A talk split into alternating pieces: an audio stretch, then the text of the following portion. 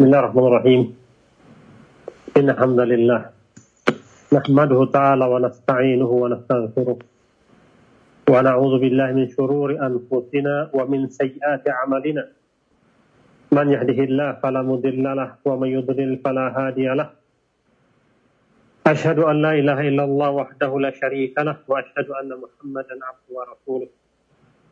يا أيها الذين آمنوا اتقوا الله حق تقاته ولا تموتن إلا وأنتم مسلمون يا أيها الناس اتقوا ربكم الذي خلقكم من نفس واحدة وخلق منها زوجها وبث منها رجالا كثيرا ونساء واتقوا الله الذي تساءلون به والأرحام إن الله كان عليكم رقيبا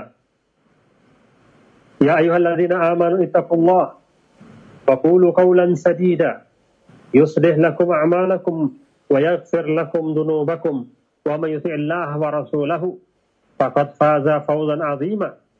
أما بعد فإن أصدق الحديث كتاب الله وخير الهدي هدي محمد صلى الله عليه وسلم وشر الأمور محدثاتها فإن كل محدثة بدعة وكل بدعة ضلالة وكل ضلالة في النار.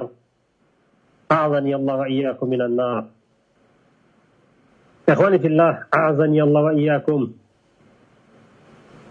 Mulai malam ini, insya Allah, kita akan mulai mengkaji kitab agung, kitab Riyadus Salihin, yang ditulis oleh Imam Al-Hafidh Al-Faqih Abu Zakaria Yahya bin Saraf An-Nawawi rahimahullah ta'ala.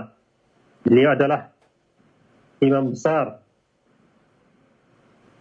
yang mempunyai karya yang sangat banyak. Beliau hidup di tahun 631 Hijriah sampai 676 Hijriah. Usia beliau yang tidak terlalu banyak. Beliau meninggal dalam keadaan masih muda, 45 kurang lebih. Akan tetapi subhanallah, Allah berikan barokah pada waktunya. Sehingga beliau memperoleh kesempatan untuk menulis sekian banyak tulisan besar. Di antaranya adalah kitab syarah Sahih Muslim. Juga kitab Muhadzab dan sekian banyak kitab-kitab lain yang telah beliau tulis di antara salah satu tulisan beliau yang sangat terkenal adalah kitab Riyadus Salihin dan juga kitab lain yang sering, sering dikaji oleh umat Islam kitab Arba apa hadis Arba'in Nawawi. Kali ini insya Allah kita memohon kepada Allah pertolongannya agar diberikan kemampuan kesehatan untuk mengkaji hadis-hadis yang dikumpulkan oleh beliau rahimahullah di dalam kitab Riyadhus Salihin ini. Pertama kita melihat membaca sedikit dari mukadimahnya beliau, tapi tidak semua saya klik beberapa alimnya karena beliau mengatakan kenapa beliau menulis kitab ini? Dia mengatakan faraitu an ajma'a mukhtasaran minal ahadith as-sahihah. Ingin aku mengumpulkan secara ringkas hadis-hadis yang sahih mustamilan ala ma yakunu tariqan li sahabihi ilal akhirah yang mencakup jalan yang mengantarkan seseorang yang mengamalkannya kepada akhirat. Dia menghendaki hadis-hadis yang akan mengantarkan seseorang kepada akhiratnya. Wa mukhassilan li adadil batinah wa zahirah yang meliputi di dalamnya hadis-hadis itu membahas tentang adab yang batin dan juga yang zahir. Jami'an litarghib wa tarhib wa sair anwa adab salihin. Di dalam kitab yang saya ingin tulis, kata beliau, mencakup di dalamnya hadis-hadis yang berbicara tentang tarhib, motivasi, mengajak, dan juga hadis-hadis yang di sana berbicara tentang tarhib, ancaman-ancaman hadis-hadis hadis-hadis yang tentang ancaman-ancaman. Wasail anwa adab salihin. Dan bermacam-macam juga uh, adab orang yang menempuh jalan hidup di dunia ini. Min ahadis zuhud itu hadis-hadis tentang zuhud, riyadun nufus, hadis yang membahas tentang uh, olah dari jiwa, wa tahdzib al-akhlaq, hadis yang membahas tentang pembersih, pembersihan akhlak-akhlak, pembaikan akhlak, wa zaharatul qulub, uh, hadis yang membahas kenapa pembinaan akhlak dan pembersihan hati dan bagaimana mengobati hati itu. Wasilatul jawarih wa izalatul i'wadiha dan juga memperbaiki anggota badan kita dan meluruskan apa-apa yang salah.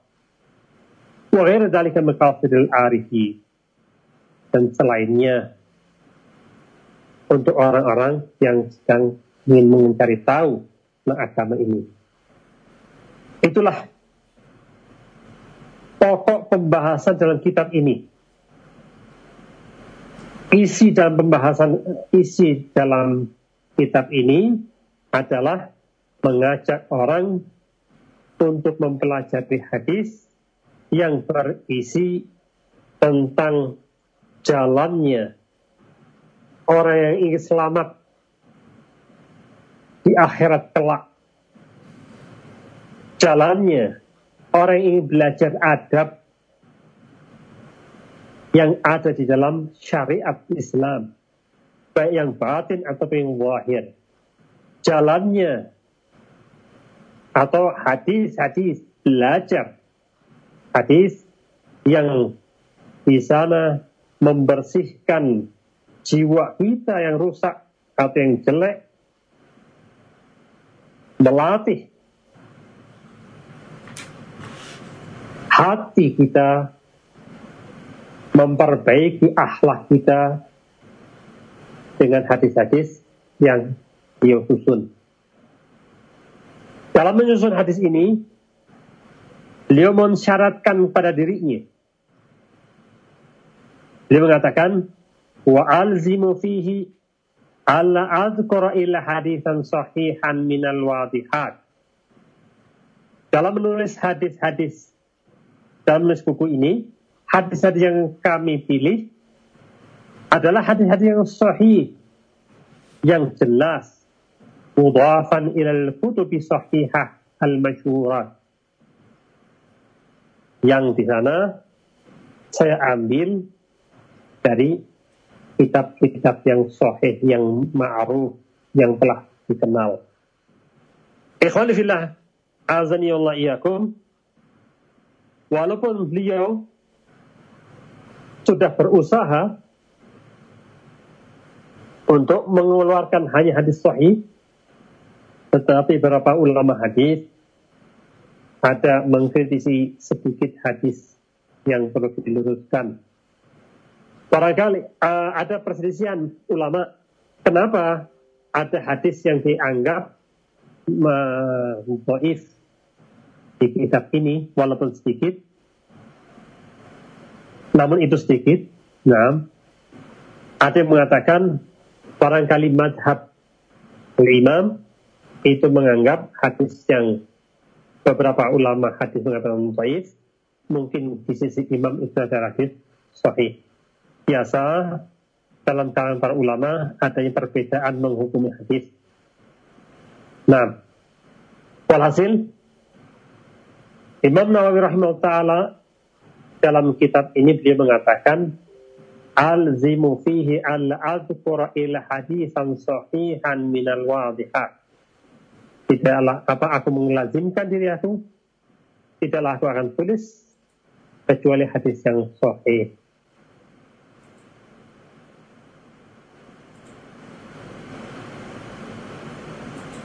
Wa usaddirul abwab minal Qur'an al-aziz di ayat al-karimah. Beliau juga mengatakan di pembukaan kitab setiap bab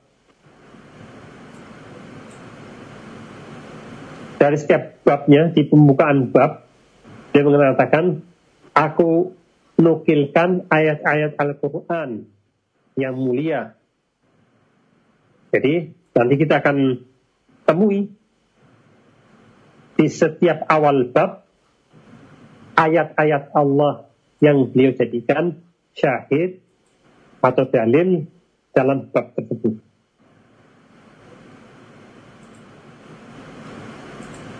Dan pula selain mengumpulkan hadis, memulainya setiap masing-masing bab dengan ayat, beliau pun mengatakan, wasikha ma ila dhabti aw saraham ma'na khafi binafais minat tanbihat. Dia mengatakan, di dalam kitab ini pula, beliau kadang memberikan sarah ringan saja, perkara-perkara yang perlu, yang dianggap itu perlu untuk disyarah sedikit. Biasanya beliau uh, menerangkan ada yang diterangkan dengan satu kalimat, ada yang diterangkan dengan satu kata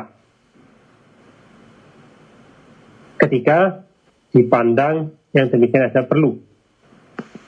Wa idza qultu fi akhir hadis muttafaqun alaih ma'nahu rawahul Bukhari wa Muslim.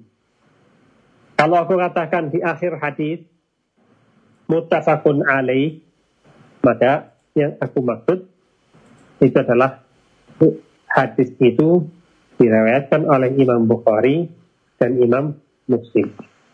Seringkali beliau menukil hadis yang diriwayatkan oleh Imam Bukhari dan Muslim dan ditulis di situ muttafaqun alaih.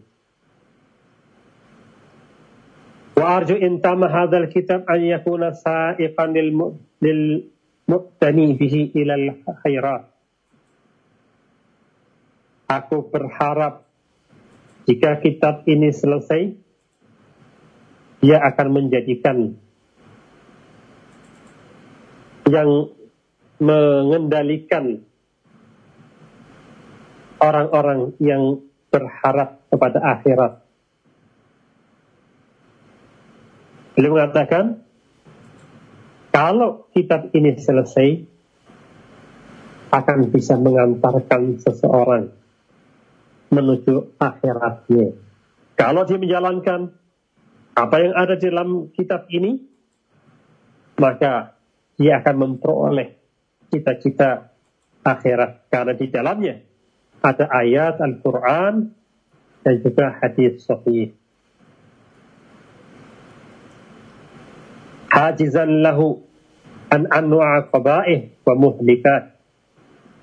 Dan juga aku berharap kitab ini akan menjadi pencegah penghalang dari macam-macam kejelekan dan yang akan menghancurkan manusia. Wa ana sa'ilun akhon intaha bi syai'in minhu ay yad'u li wa liwalidayya ahibaina wa muslimin ajma'in.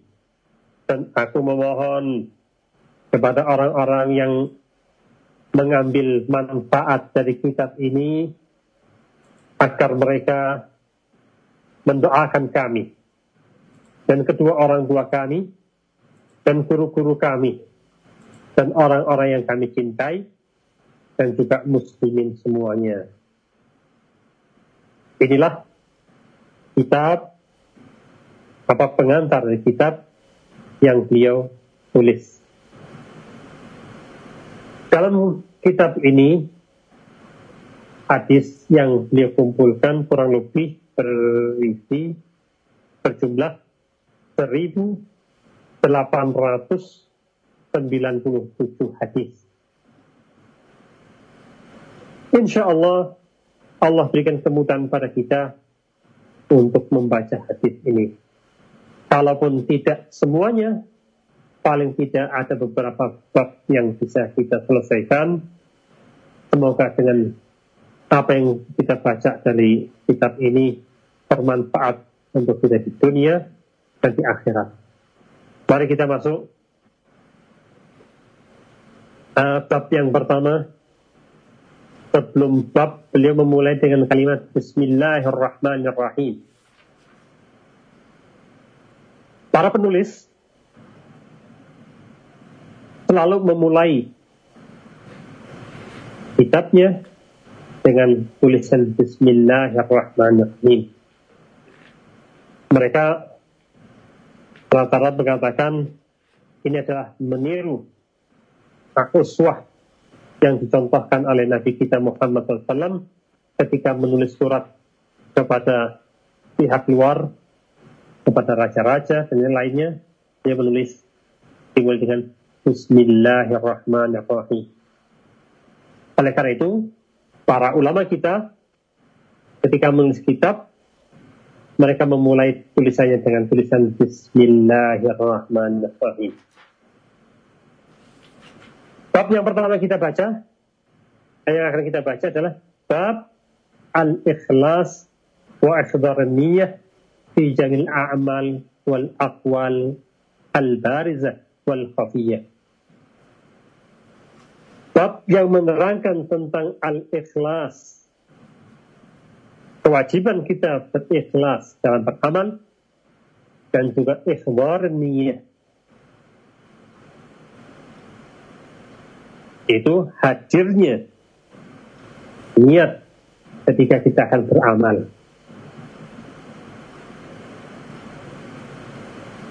Fi jamil amal. Di dalam segala amalan-amalan kita. Wal akwal al-barisah wal khafiyah. Juga ikhlas dan hadirnya ikhlas ini termasuk dalam ucapan kita yang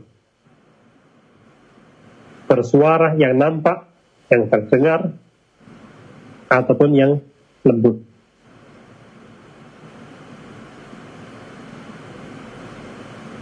Beliau menulis bab ini karena pentingnya ikhlas. Apa pun amalan kita, apa pun jenis perbuatan kita, yang kita tujukan itu adalah sebagai ibadah kepada Allah, maka harus dilandasi dengan ikhlas dan ikhbar niat, hadirnya niat. Tanpa niat, maka tidaklah ada artinya amalan kita. Tanpa niat yang hadir, maka sia-sia tolak Allah amalan kita itu. Beliau rahimahullah ta'ala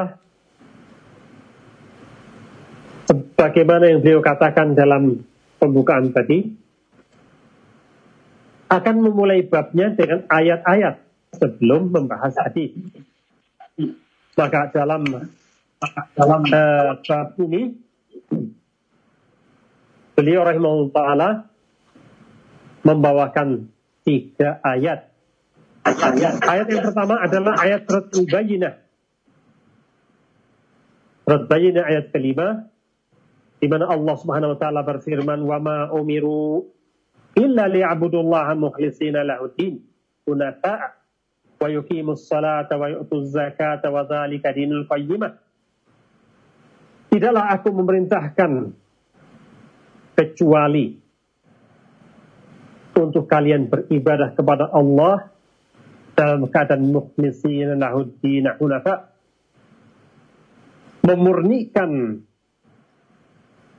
keikhlasannya kepada Allah dalam beribadah di dalam agama yang lurus ini. Wa yuqimus salah dan juga Allah memerintahkan untuk menegakkan salat wa zakah untuk menunaikan zakatnya wa dzalika dinul qayyim. Demikianlah agama yang lurus itu. Ayat yang kedua yang beliau nukilkan di sini adalah firman Allah Ta'ala dalam surat Al-Hajj ayat 37 lan yanalallah lan yanalallahu luhumuha wala dima'uha walakin yanaluhu at-taqwa minkum. Tidaklah akan sampai ke Allah uh, daging-dagingnya. Tidak pula darahnya ketika seseorang uh, berkorban menjalankan perintah Allah. Walakin yanaluhu at-taqwa minkum. Akan tetapi yang sampai kepada Allah adalah takwa kalian. Wa qala ta'ala ayat yang lain, "Qul in tuhfu ma fi sudurikum aw tubduhu ya'lamhu Allah." Katakanlah jika kalian sembunyikan apa-apa yang ada di dada-dada kalian atau kalian lahirkan, ya Allah. Allah pun akan tahu. Disembunyikan atau dilahirkan apa yang ada di dada kita, maka Allah tahu. Ikhwanifillah azan Allah yakum. An-niyat tempatnya adalah di hati.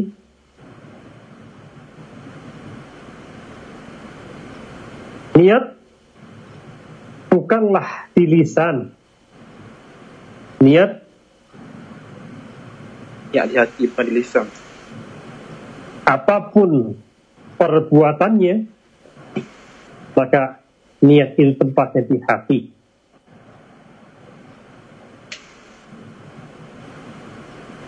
Maka dari itu, ikhwan filazakumullah, kita tidak dapati contoh dari Nabi kita tentang niat ataupun keinginan kita menjalankan sholat ataupun puasa ataupun haji ataupun kita berwudu ataupun amalan-amalan yang lainnya yang didahului dengan ucapan menyebutkan niat yang secara terucap. Kalau kita cari dalam agama ini, maka kita tidak akan dapatkan uh, dalil dari sana. Karena Nabi SAW, beliau pernah berwudu, beliau pun sholat, beliau pun bersodakah, beliau pun berpuasa dan berhaji. Walam yakun yantiku bin niyah tidak pernah beliau melafatkan niatnya. Wadzalika li ananiyah mahalluha al-qalb. Kenapa demikian? Karena memang niat itu tempatnya di dalam hati, bukan di dalam lisan. Allah Azza wa Jalla mengetahui apa yang di hati kita. Walaupun niat tempatnya di hati, tetapi Allah Subhanahu wa taala mengetahuinya. Terbukti dengan ayat yang Imam Nawawi nukilkan Qul in tuhfu ma fi sudurikum jika kalian menyembunyikan apa-apa yang ada di dada-dada kalian beduhu atau kalian lahirkan apa yang di dalam kalian, ya Allah Allah akan tahu. Sehingga apa pun yang amalan kita perbuat, niatannya itu dalam hati, tidak perlu khawatir. Allah tidak tahu, tidak perlu. Allah pasti mendengarnya, Allah itu pasti tahu apa yang kita niatkan. Oleh karena Allah mendengar apa yang ada di hati kita, maka wajib atas kita semua untuk mengikhlaskan niat lillahi fi ibadatihi Mengikhlaskan niat artinya ikhlas, artinya apa? Memurnikan. Memurnikan segala niatan kita hanya kepada Allah di semua ibadah kita. Wa alla yanwi bi ibadati illa wajh Allah wa darul akhirah dan tidaklah kita meniatkan dalam beribadah ini kecuali hanya mencari keridhaan Allah dan berharap darul akhirah memperoleh kebahagiaan di darul akhirah negeri akhirat. Inilah makna niat. Niat itu adalah kemurnian.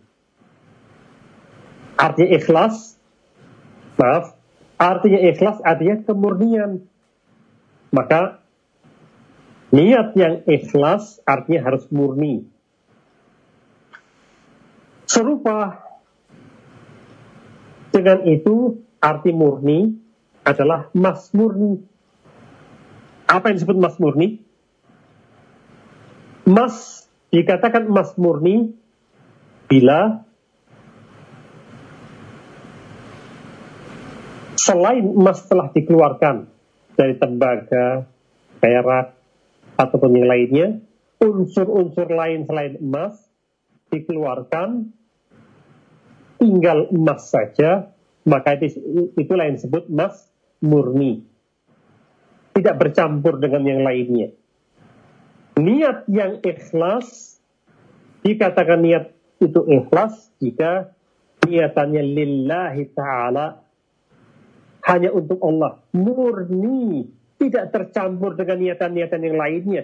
Itulah niatan yang ikhlas.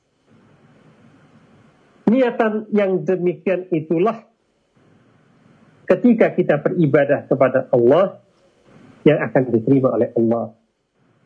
Bila niatan itu bercampur dengan yang lainnya, maka tidak akan diterima oleh Allah.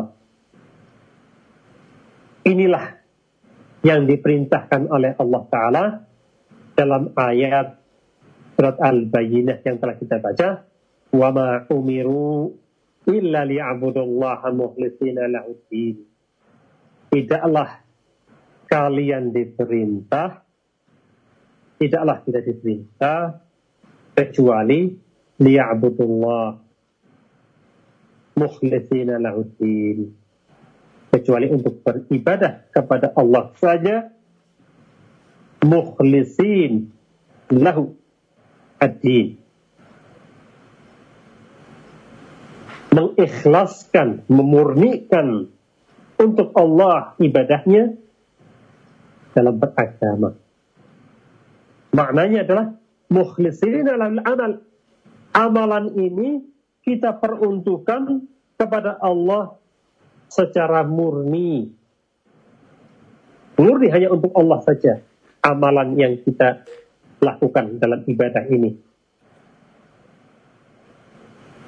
Itu yang pertama, yaitu mengikhlaskan niatan kita kepada. Yang kedua pembahasan dalam kitab ini adalah istihbar niat. Maka kewajiban kita untuk menghadirkan niat fi jami'il ibadah di dalam macam-macam atau semua ibadatnya. Ketika kita akan sholat, di awal kita akan sholat, kita harus hadir niatnya. Bahwa kita berdiri ini bukan untuk melakukan olahraga, bukan pula untuk hadir menghadap orang seseorang atau mencari nama baik dari orang lain. Akan tetapi saya berdiri ini untuk menjalankan sholat beribadah kepada Allah subhanahu wa ta'ala. Itu mana? Istihbar niat bayan masalan al-wudu. Misalkan seseorang berniat untuk berwudu, wa annahu tawadhu'a lillahi hendaknya dia hadir niatnya bahwa dia berwudu hanya untuk Allah saja. Wa annahu tawadha imtithalan li amrillahi. Dan dia meyakini bahwa dia berwudu dalam rangka menjalankan perintah Allah. Bukan berwudu dalam rangka membersihkan wajah atau anggota badan kita, tapi wudu ini aku jalankan dalam rangka lillah dan menjalankan perintah Allah. Fahadi salah asya. Maka berikut ini tiga perkara yang perlu kita perhatikan dalam masalah niat. Yang pertama adalah niat al-ibadah. hendaknya ketika kita niat, niat untuk beribadah. Yang kedua, niat ayakuna lillah. Niatan ini kita peruntukkan hanya untuk Allah saja. Wa niyah anahu qama bima anahu qama biha imtithan amrillah. Dan kita berniat bahwa kita menjalankan ibadah ini dalam rangka menunaikan perintah Allah Subhanahu wa taala. Kalau kita bisa menjalankan tiga perkara ini, inilah kesempurnaan niat pada seseorang. Maka upayakan ketiga perkara ini ada pada kita ketika kita akan menjalankan ibadah. Apa itu tiga? Itu yang pertama. Apa sahabat? Niat al-ibadah. Yang kedua, niat hanya Allah. Nah, yang ketiga, niat annahu qama bi imtithalan li amrillah niat menjalankan uh, perintah dari Allah Subhanahu wa taala. Ikhwani fillah, azani Allah iyyakum.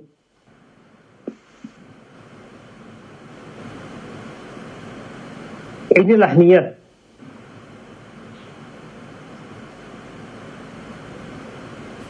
Ketika seseorang meniatkan, bisa jadi kita mengatakan saya niat lillah, tetapi hatinya berbeda.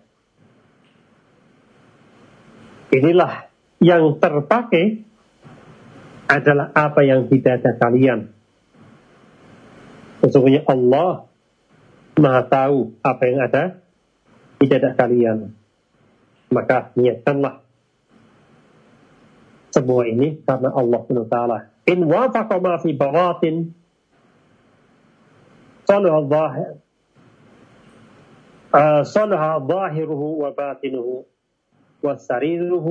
alaniyah.